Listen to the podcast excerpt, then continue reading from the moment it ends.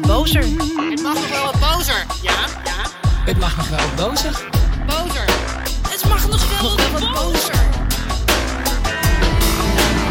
Voor mij mag het nog wel wat bozer. Welkom bij Het Mag Nog Wel Wat Bozer, de podcast van Vrouwennetwerk Zuid. Mijn naam is Veerle Korstens en mijn gast vandaag is Jolande Appelman. Zij is interventiecardioloog bij Amsterdam UMC.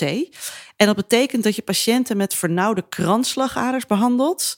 en het bloedvat dat naar het hart toe loopt kan verstopt zijn geraakt door vet of kalk. En dat kan dan via een katheter in de lies of pols verholpen worden. Zeg ik dat goed zo? Ja, dat zeg je goed. Eh, we doen het nu eh, vooral ook via de polsslagader, uh, liesslagader. Eh, liever niet meer, maar alleen als het echt moet. En we kunnen heel veel verschillende dingen nu via eh, de slagaders be- behandelen van het hart.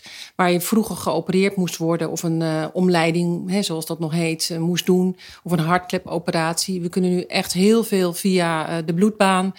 Ehm, ja, het is een prachtige techniek geworden de la- laatste 15 jaar. Dat doe je 400 keer per jaar. Ja, tenminste, ja, zeker. Gaat niet vervelen? Nee, zeker niet, zeker niet. Ieder patiënt is anders en eh, nee, het is een prachtig vak. Ja. Nou, voor mij mag het nog wel wat bozer. Vandaag gaan we het hebben over het vrouwenhart. Waar dokter Appelman zich mee bezighoudt en erg voor inzet. Want dat blijkt niet helemaal hetzelfde als dat van de man. Maar we beginnen eerst met... eh, mijn vorige gast was Soraya Kichui. Zij schreef op haar protestbord... één grote stap vooruit bestaat uit heel veel kleine. Is dat ook iets wat jouw werk raakt?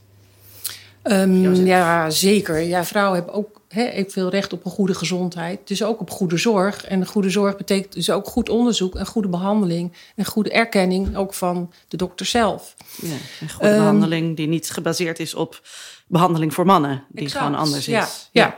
En als ik terugkijk, zie je wel dat er al heel veel gebeurd is. Dat we heel veel bereikt hebben. Maar dat het ja, heel veel kleine stapjes zijn. Eh, af en toe stapjes ook achteruit.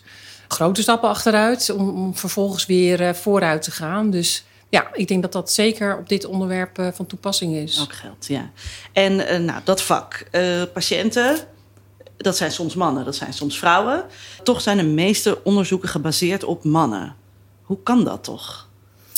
Ja, kijk, je moet je voorstellen dat de geneeskunde en de gezondheidszorg er ja, vroeger zeker helemaal anders uitzag. Dus aanvankelijk eh, zijn er natuurlijk ook eh, ja, de chirurgijnen, et cetera, uit, de, uit de oude doos. eh, veel aan mannen, eh, vrouwen die niet blootgesteld letterlijk konden worden. Vrouwen deden helemaal niet mee aan het maatschappelijk proces.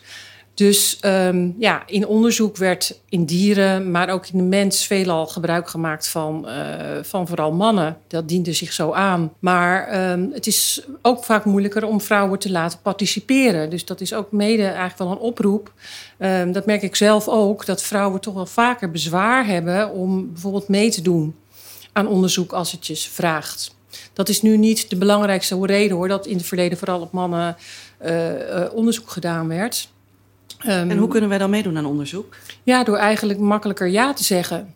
Ik merk zelf ook dat vrouwen, uh, toevallig ben ik nu bezig uh, met, een, met een onderzoek om te kijken naar de redenen waarom uh, mannen en vrouwen bijvoorbeeld nee zeggen, wat, wat de hurdles allemaal zijn. Mm -hmm. um, en vrouwen hebben vaak toch wel ja, in de sociale context bezwaren. Hoe regel je thuis? Hè? Um, of ja, ik moet eerst nog dat en dat en dat.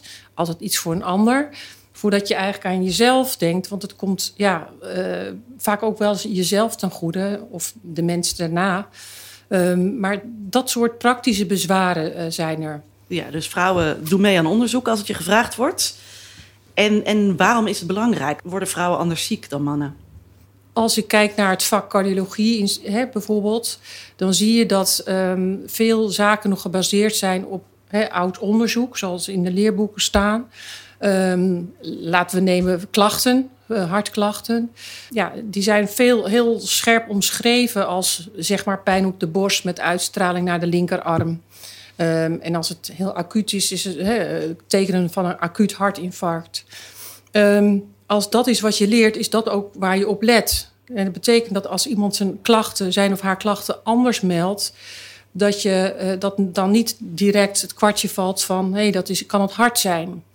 Um, dus dan onderscheidt uh, de ene ziektebeeld zich al van het ander. Nou, dat is niet goed, dus dat moet veel breder. je moet ook luisteren naar andere klachten die er omheen zijn. Want een aantal zullen het heel typisch melden, maar ook heel veel mensen niet. Ja. Ja. En eh, het verhaal dat eh, vrouwen met hormonen zitten die in de weg zitten voor goed onderzoek. Is daar iets van waar? Nou, dat is ook dat is een onderdeel van waarom het in het verleden uh, ook minder toegepast is. Um, en het geldt ook bijvoorbeeld voor dierproeven. Uh, vrouwen kunnen he, hebben hormonen, kunnen menstruatie hebben. En die hormoonschommelingen geven aan zich al andere uitslagen. Dus als je dan ook nog moet vergelijken bijvoorbeeld met mannetjes ja, dan heb je eigenlijk per definitie al verschillende uitslagen. Nou, dat is heel lastig in onderzoek, want je wilt eigenlijk twee gelijke ja. uh, dingen met elkaar of twee gelijke mensen met elkaar uh, vergelijken. En een, een item wat je invoert, een medicijn of zo, is dan het enige hè, dat, wat verschilt. dat wat verschilt. En dan kun je goed onderzoek doen. Nou, inmiddels zijn we ervan overtuigd dat ja, een vrouw heeft daar nu eenmaal mee te maken. Dus dat is gewoon realiteit. Dus laat het zijn zoals het, zoals het is. Ja. En het andere belangrijke was natuurlijk ook, nog even terugkomend op het onderzoek en participatie van vrouwen of niet, is dat ze natuurlijk ook zwanger kunnen zijn, zeker worden. En, en natuurlijk is ook lang gedacht dat dat ook niet handig is om uh, een vrouw dan te vragen om mee te doen. Waarom? Ja, omdat uh, potentieel bijvoorbeeld op medicatiestudie uh, hè, weet je niet van tevoren of dat, uh, of dat schade kan leveren. En dat wil je natuurlijk als firma niet op je geweten hebben. Dat daar iets Ja, dat iemand in een onderzoek zit en wordt dan zwanger zonder dat Precies. je dat weet. Ah, ja, zo, ja. ja, ja. dus het zijn best wel het natuurlijk belangrijke factoren. Maar het is ook daily life. Want ja. wat is nu uh, het verschil? Weten we nu dat vrouwen bijvoorbeeld vaker hartklachten hebben die niet herkend worden? Uh, ja, dat weten we. Uh, we weten uit onderzoek dat als je bijvoorbeeld kijkt naar een eerste hartfilmpje, een eerste ECG, dat gemaakt wordt op een eerste harthulp, uh, zie je dat, dat het aantal infarcten dat een vrouw heeft doorgemaakt vaker is dan bij mannen. En dat betekent dus dat ze vaker een zogenaamd stil infarct hebben doorgemaakt. Dus dat is niet herkend of erkend op de een of andere manier. Dus je kunt een infarct gehad hebben zonder dat je het door had. Exact, ja. Dat kunnen mannen en vrouwen, maar ja. dat komt bij vrouwen dan vaker voor. Ja. En het kan zijn dat, dat ze echt geen symptomen hebben gehad, maar mm -hmm. het kan ook zijn dat die symptomen gewoon niet herkend zijn, omdat ze niet zo typisch zijn. Nou is het, en dat wil ik ook echt wel benadrukken, ook weer niet zo zwart-wit. Hè? Want um, anders was het in het verleden natuurlijk heel makkelijk geweest om vrouwen en mannen, als die echt hele andere klachten hadden dat, bij een infarct, dan uh, hadden we dat al lang geweten. En stel, uh, een man heeft pijn op de borst en uitstraling naar de linkerarm... en een vrouw heeft, zeg maar even als voorbeeld, altijd pijn in de rug... ja, dan hadden we dat wel geweten. Maar het ligt, het ligt veel uh, genuanceerder. En dat betekent dus, uh, een, een, vrouw is vaak ook wat uh, breedsprakiger. Dus die moet je vaker wat laten focussen van wat is nou eigenlijk echt je klacht... in plaats van het hele verhaal omheen dat ze ook nog de hond uitliet en gisteren dit en dat. En zelf naar verklaringen zoekt als ze iets vertelt. Ja. Um, uh, maar vrouwen hebben ook pijn op de borst, maar hebben vaak wat begeleidende klachten die daar eigenlijk een beetje van afleiden. Dus dan zegt ze, ik, ik had wel druk op de borst. Nou, wij noemen het dan pijn, maar voor een ander is dat druk of benauwdheid. Um, en daarbij uh, uitstraling naar de kaken of naar de rug, of toch wel heel erg vermoeid uh, en ja, gewoon niet lekker voelen. En door al die, die scala aan klachten ja, raakt dat een beetje weg van de kern uh, waar die patiënt voor komt. Dus het ligt genuanceerder dan dat we, nou, zeggen, een vijf jaar geleden dachten van, nou, het is heel anders, die klachten bij vrouwen. Nou, die mening deel ik niet en velen met mij niet. Um, maar de presentatie kan echt wel anders zijn. En daar moet je op bedacht zijn. En vooral ook uh, bij relatief jonge vrouwen, dus in de leeftijdsgroep waarvan wij dachten, nou, die krijgen niet zo gauw een hartinfarct of hartklachten. Um, ja, daar is met name dan uh, uh, meer de aandacht op op dit moment. Omdat we juist die groep ja, een beetje um, ja, veronachtzamen in feite. Ja, dus die komen op een sprekenuur met bepaalde klachten en dan die zijn zo ja, misschien breed of vagig, waardoor het niet herkend wordt. Exact. En wat is daar erg aan als je dat mist? Nou, dat kan uh, tot, tot on. Um, ja, dat kan leiden tot uh, ja, verminderde kwaliteit van leven. Hè? Want je, hebt klachten en eh, ja, niemand zegt eigenlijk wat, wat er aan de hand is. Dus je meldt je nog een keer en nog een keer. En je denkt, nou, functioneer helemaal niet zo lekker. Ehm, maar het kan uiteindelijk, afhankelijk natuurlijk van de onderliggende oorzaak, ja, ook tot een uitgestelde diagnose leiden. En misschien zelfs soms wel eens tot een hartinfarct dat niet nodig was geweest. En, en dat zit dus ook vooral in de leeftijdsgroep waarin in vrouwen ook eh, in de overgang raken. Dus het is een hele lastige, tussen aanhalingstekens, populatie die toch al regelmatig klachten heeft. Overgangsklachten. Bijvoorbeeld. Ja, en die lijken op de klachten die je kan hebben als hartpatiënt. Ja, er staat geen bordje bij van hè, dit is het hart of dit is de overgang. En, Nee. en dan wil ik zeker niet eh, eh, ja, de mensen enthousiast maken of met alle overgangsklachten naar de cardioloog te gaan.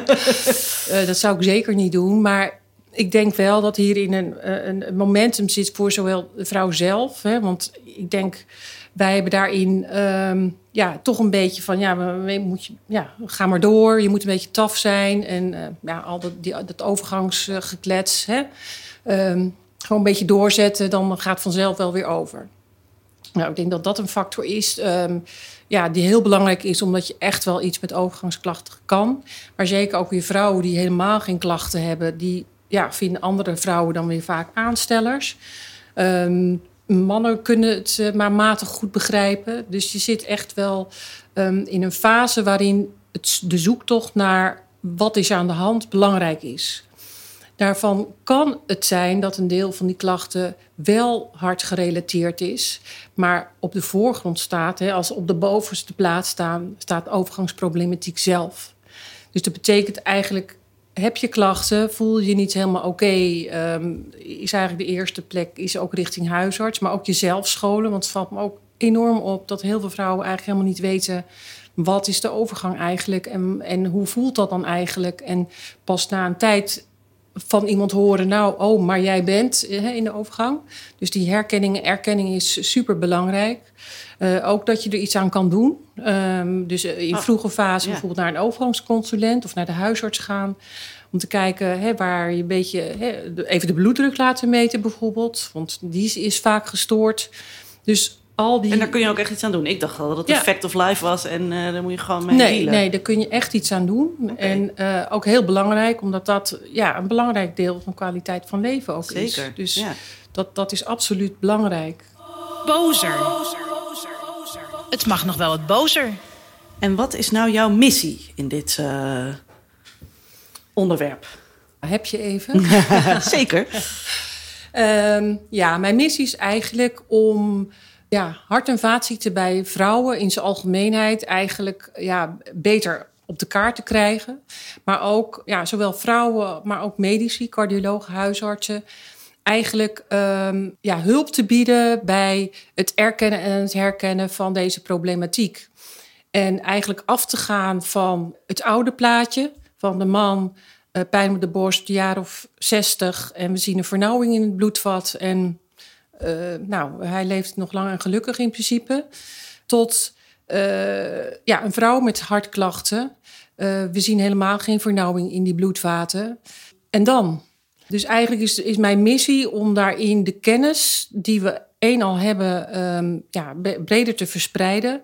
En twee, om meer kennis te vergaren. Want het is eigenlijk nog een heel onontgonnen terrein. Waarin een aantal ja, specifieke ziektebeelden, die vooral bij vrouwen voorkomen, eh, in de cardiologie, eh, ja, eh, beter uit te diepen.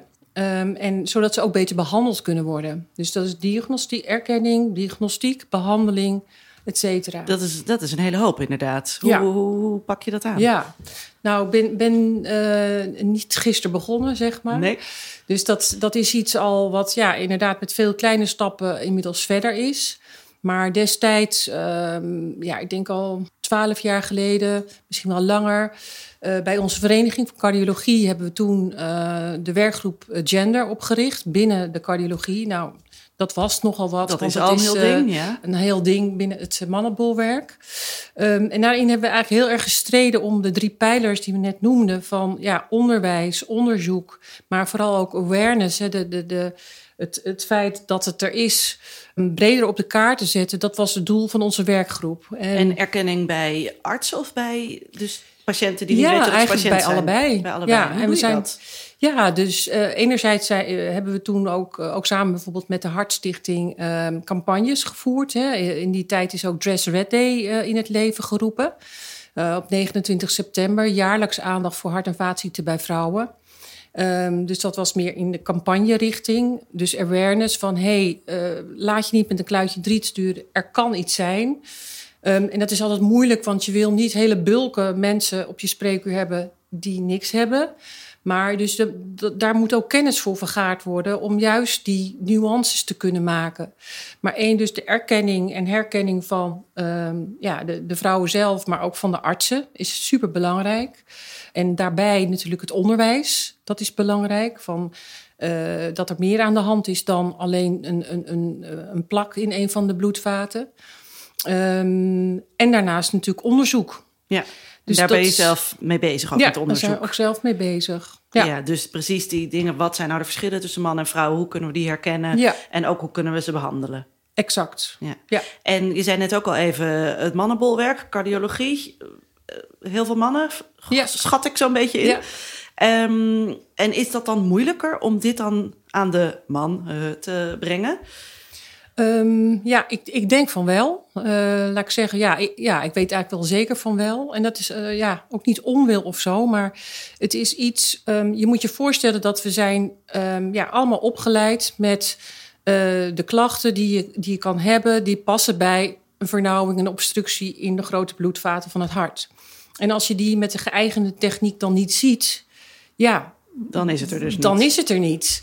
Dus je moet eerst aantonen dat er wel iets is. En dat aantonen dat er wel iets is, kost tijd. Want daar heb je jaren, hè, hiervoor was er jaren onderzoek eh, op, op de ene modaliteit. En nu eh, moet je eigenlijk als, als een gek een soort inhaalslag maken om eh, aan te tonen dat er wel iets aan de hand is. Ja, en we weten inmiddels dat die bloedvaten niet iets statisch zijn, maar dat is een heel netwerk van, van functionele bloedvaten. Hè, dus die kunnen ook verwijden, maar die kunnen ook spontaan vernauwen. Dus Ja, want wat dus normaal gesproken het probleem is, is dat de bloedvaten vaten verwijt zijn. Dan moet je behandeld worden. Nee, het is eigenlijk Oh. als volgt dat eh, het hart heeft drie grote kransslagaderen die het hart van bloed voorzien. Ja. En ja, eh, zeg maar even, de, de waterleiding die moet ook gewoon openstaan. En in de leiding moet ook gewoon open zijn. Wil daar alles doorstromen. Nou, dat is met de grote bloedvaten ook zo. Maar de hartspier helemaal zelf heeft ook... Al die grote bloedvaten geven steeds kleinere bloedvaatjes af. Het is een heel netwerk van vertakkingen en steeds kleiner en kleiner. Dus die gaan doordringen die hele hartspier. Maar met de techniek waarbij we naar de grote bloedvaten kijken, ehm, zie je de vernauwingen in die grote bloedvaten. En als die er niet zijn, zeg je nou, dat hart is goed doorgankelijk, doorbloedbaar, et cetera. Maar wat we niet doen, of wat we tot voor kort niet hebben gedaan, is gekeken of die, eh, of die bloedvaten ehm, voldoende vaatverwijding kunnen geven op het moment dat je dat nodig hebt. Lees bij stress, bij emotie, bij inspannen, hè, hardlopen als je even de bus wil halen Dan moeten die moet het hele groter. vaatwijd eh, groter worden, maar vooral het kleine vaatbed. En dat kleine vaatbed, dat zie je niet op, eh, op, bij de hartkatheterisatie. Ehm, dus die moet je testen. Je moet dus testen of die vaatfunctie in feite Ja. in orde is. Ja. En het andere mechanisme wat een rol speelt, is eigenlijk eh, het spontaan vernauwen van de bloedvaten, het vaatkrampen. Mhm. Op het moment dat je net voor een hartkatheterisatie komt en die bloedvaten zijn gewoon netjes open, ja, wordt er gezegd, hè, er is niks. Maar ook dat kun je testen of mensen verhoogd gevoelig zijn voor spontane vaatkramp of spasme. Dus als je het niet test, dan weet je het dus ook niet. Nee, precies. En dat gebeurt meer bij vrouwen. En eh, de vaatdysfunctie, zoals we dat noemen, hè, dus, eh, Dus dat, dat dat is vernauwen en verwijderen niet Ja. goed werkt. Dat Ja. komt En vooral eh, het vaatspasme zien we dat dat eigenlijk veel vaker voorkomt dan dat we ooit gedacht hebben. Ja. Ehm, en eh, het onvoldoende kunnen verwijden ehm, is ook een belangrijke component, maar is minder vaak het probleem. Maar is ook zeker een probleem en wel, wel een heel lastig probleem. En kun je daar iets aan doen? Ehm, ja en nee, want daar weten we nog. eh, Precies, Een ja. soort van veertje is het toch? Dat Ja, als je doet? dus echt een, een een functionele vernauwing hebt door, door vet en kalk, et cetera. Ja, dan kun je met eh, een ballon eerst die vernauwing oprekken. Ja. En later kun je daar een stand, hè, een metalen buisje. Dus een beetje een soort uh, kippengaasconstructie. Ja. Dus die zet je eigenlijk in dat bloedvat. En dat Ja. verwijt dan op die zwakke plek, zullen we maar zeggen. En Mhm. die blijft dan goed open. Dat is, om, hè, je ziet een vernauwing en je kunt daar iets aan doen. ja. En bij de Ehm, spasmen? maar bij de spasmen is dat heel moeilijk. Want ehm, dat zijn bloedvaten die eigenlijk op onwillekeurige momenten, vaak in rust of in de nacht, verkrampen. Dus daar kun je geen stent tegen zetten. Hè, dat kan op plek A of B zijn in het bloedvat. Maar het kan ook van de hele microvaatjes zijn. En daar kun je al helemaal niet bij, want dat is op microniveau. Veel te klein. Dat is veel te klein. Ehm, wat, wat een hele belangrijke eh, behandeling is, is eigenlijk een hele gezonde leefstijl. Ja. Want iedere prikkel die eh, van binnenuit komt, dat kan stress zijn, maar dat kan ook slechte voeding zijn. Het zijn toch wel vaker mensen ook die wat overgewicht hebben. Die eh, roken is een hele belangrijke trigger om vaatspasmen te krijgen. Ehm, bloeddruk, et cetera. Super belangrijk. En helpt dat ook... Ik kan me voorstellen dat dat voorkomt. Maar helpt het ook als je het al eenmaal hebt... Om, als je dan gezonder gaat leven, dat het dan minder wordt? Eh, op termijn wel, maar dat is dan natuurlijk niet de primaire behandeling. Omdat je die, in die setting moet je natuurlijk iets. Eh, daar hebben we medicatie voor. Ehm, in het algemeen helpen die wel goed, maar ook niet bij iedereen. Dus het is ook een, een stuk voor onderzoek om te testen. ehm, ja, wat is nou vanuit het concept van hoe dat spasme werkt een goed medicament? Dus voor een aantal, voor een groep hebben we eigenlijk best wel eh, goede medicatie. Maar voor een subgroep weer niet. Want die zegt, ja, het, het, is wel, het helpt misschien wel, maar ik kan er niet goed tegen. Het is veel intolerantie voor bepaalde medicamenten. Ehm, dus dat is, dat is best een probleem. En voor die tweede groep, die, eh, de mensen die onvoldoende vaatverwijding kunnen genereren op het moment dat het nodig is, dat is echt een moeilijke groep. Ehm, omdat we daar eigenlijk niet zo goed een medicamenteuze behandeling nog echt goed voor hebben. Meer onderzoek nodig. Absoluut meer onderzoek voor nodig. Ja. Nou, voor mij mag het nog wel wat bozer. En eh, nou, als we vooruitkijken, wat zou je wensen? Nou, eh, heel veel geld. Oké, Heel mooi. veel Gaan geld. we wat regelen? Ja. Dat is denk ik belangrijk. Dus bestaande kennis eh, centreren en goed toegankelijk maken. Dat gebeurt nu al in, wel in onderzoek wat we, wat we nu aan het uitzetten zijn. Die grote pot geld eh, inzet voor onderzoek. Want ja, we lopen gewoon echt enorm achter. En nogmaals, die, die, die gap die moeten we echt eh, beslechten. En dat kan alleen maar door versneld onderzoek te doen. Wat nog meer belangrijk is, is dat we eigenlijk bestaand onderzoek... of dat onderzoek wat nu opgezet wordt, wat voor onderwerp het ook maar is...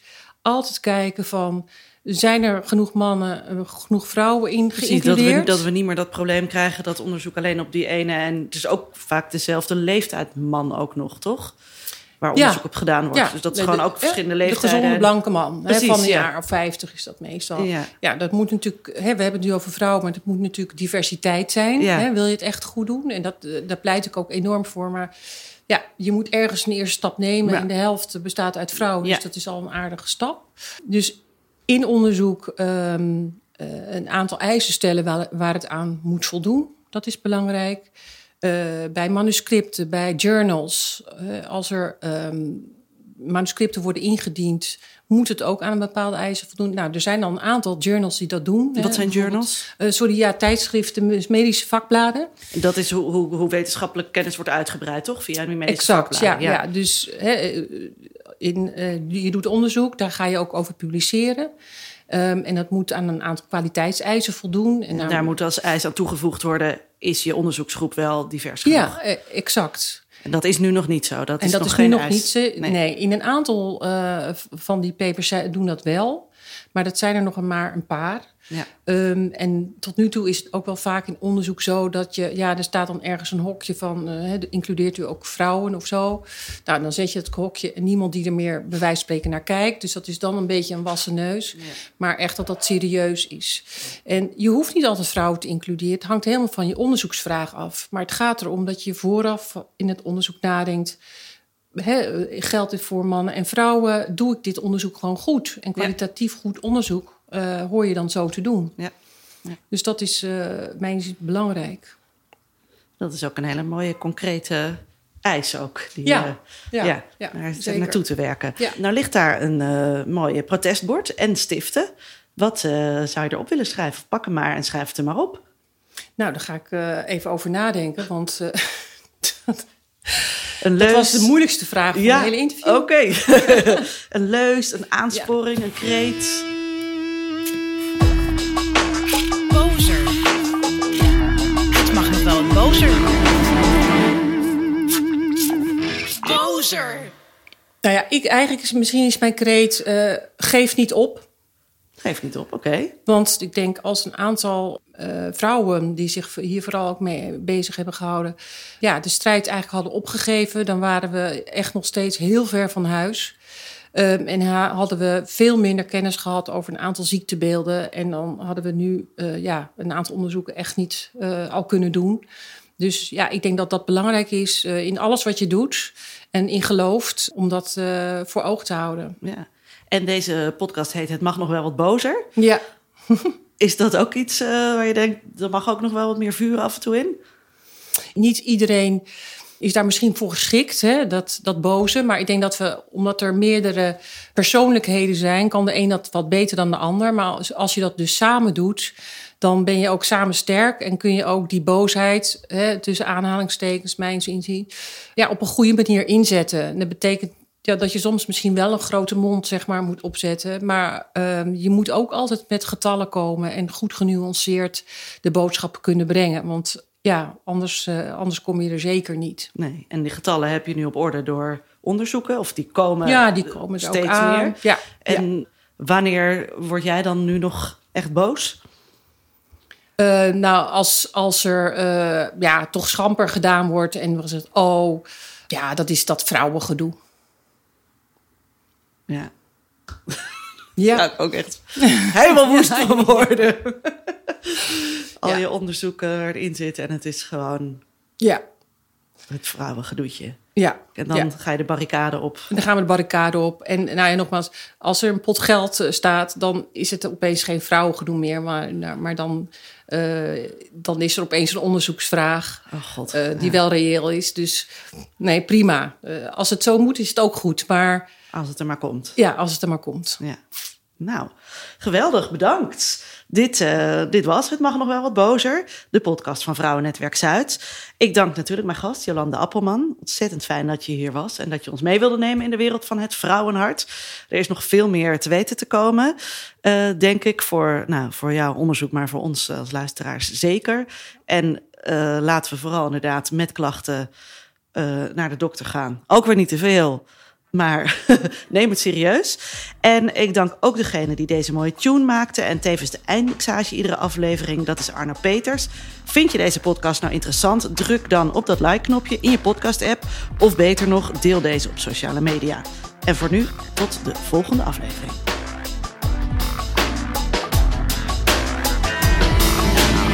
Voor mij mag het nog wel wat bozer.